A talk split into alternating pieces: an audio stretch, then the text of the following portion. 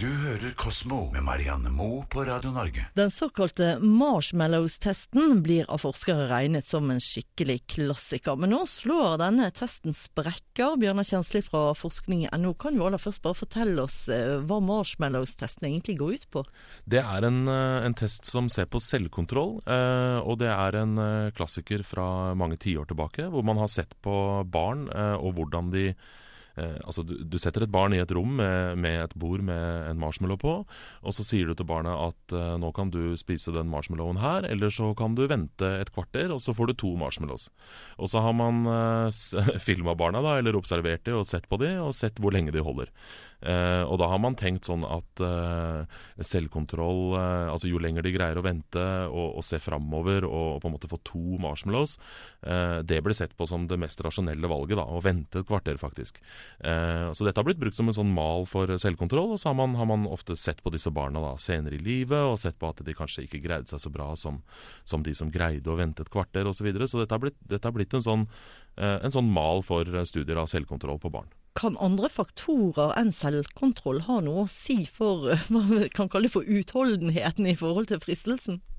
Ja, det er det en ny studie som, som tyder på. Her har man eh, gjort en variant av dette marshmallow-forsøket. Eh, og det viser seg der at for mange barn så er faktisk det å spise marshmallowen med en gang eh, det mest, altså det mest rasjonelle valget. Så det å vente et kvarter og kanskje ikke få en marshmallow, eh, det er ikke verdt det. Så da spiser man marshmallow med en gang. Og da har man fått uh, en sikker belønning, ikke sant? Da har man i hvert fall fått én marshmallow, ja. ja. I en uh, situasjon uh, der barnet sin tiltro til omgivelsene ble svekket, så sank denne ventetiden, eller tålmodigheten til barnet, dramatisk. Kan vi si at egentlig så, så handler dette her litt om pålitelighet? Altså om man kan stole på vedkommende som sier at Venter du i kvarter, så skal du få en til? Ja, for det, det som skjedde med barna her, var at de, eh, de gjorde ett forsøk først, eh, før marshmallow-testen, for, for, å på en måte sjekke dette her. Og da ble barna satt i et rom eh, med et hvitt ark og en, et glass med tegnestifter, og så ble de bedt om å tegne en tegning.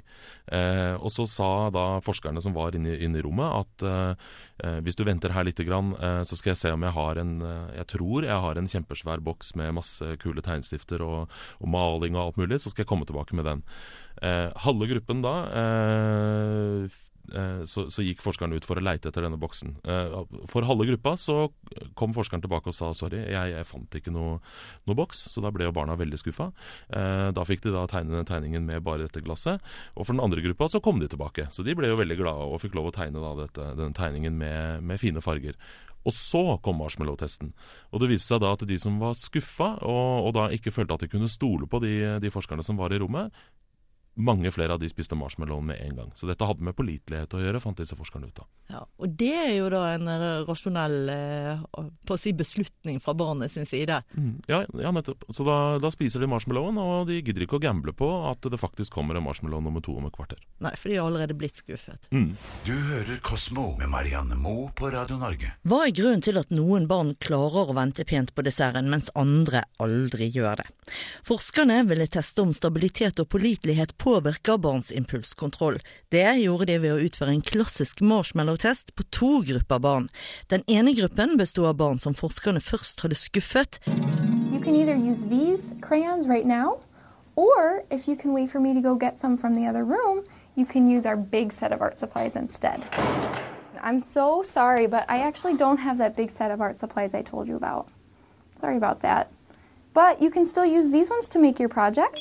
Den andre gruppen bestod av barn som først hadde fått tegnesakene forskerne hadde lovet dem, og deretter ble barna i begge gruppene presentert for marshmallowsene og forskernes lovnad om mer dersom de klarte å vente med å spise den første. Yeah, so wait just a second, let me explain. So you can either eat this one marshmallow right now, or if you can wait for me to go get it from the other room, you can have two marshmallows instead. Bjørnar Kjensli fra forskning.no.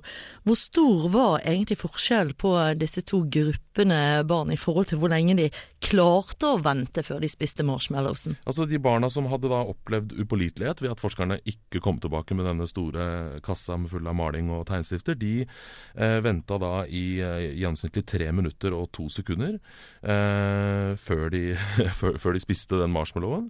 Eh, og bare én av de 14 deltakerne klarte å holde ut i et kvarter og faktisk få to eh, marshmallows. I den andre gruppa, som da ikke hadde blitt skuffa, som hadde fått denne esken med, med maling og da stolte på, på forskerne, de venta i gjennomsnitt tolv minutter og 2 sekunder. Og hele ni av de barna eh, venta hele kvarteret da, til marshmallow nummer to kom. Altså, så De barna som opplevde pålitelighet, de på å si doblet, og kanskje i enkelte tilfeller også mer ventetiden. Eh, mens de som erfarte upålitelighet, de halverte sinnet. Altså, overrasket eh, det at tillit hadde så stor innvirkning på resultatet? At det hadde så stor innvirkning, eh, sier forskerne at de ble overrasket av. Men, eh, men selve ideen bak, eh, bak, studien var jo basert på dette her. Det var en forsker som hadde, hadde erfaring fra et barnehjem, hvor hun har observert at noen av barna de, de, gjemte lekene sine, de spiste godteri med en gang de fikk det, og, og sånn. Og så hun tenkte på at dette her kan ha med, med det å stole på de rundt seg å gjøre. Er man redd for at no, et større barn skal komme og ta tinga dine, så vil du jo gjemme det. Er du redd for at de skal ta godteriet ditt, så vil du jo spise det med en gang. Så det var hele ideen bak forsøket, men at, at det var eh, så stor virkning, det, det trodde de ikke. Mm. Tillit er viktig, men eh, marshmallow-tester de kan kanskje ikke lenger regnes som en eh, veldig sterk diagnostikk for evnen til selvkontroll? da? Nei, så det har mye med Man trodde jo at dette hadde mye med arv å gjøre. At på en måte denne selvkontrollen var medfødt og satt inn i hjernen et sted. Men det viser seg altså at miljøet rundt det har minst like stor betydning. Du lytter til natur- og vitenskapsmagasinet Kosmo her på Radio Norge.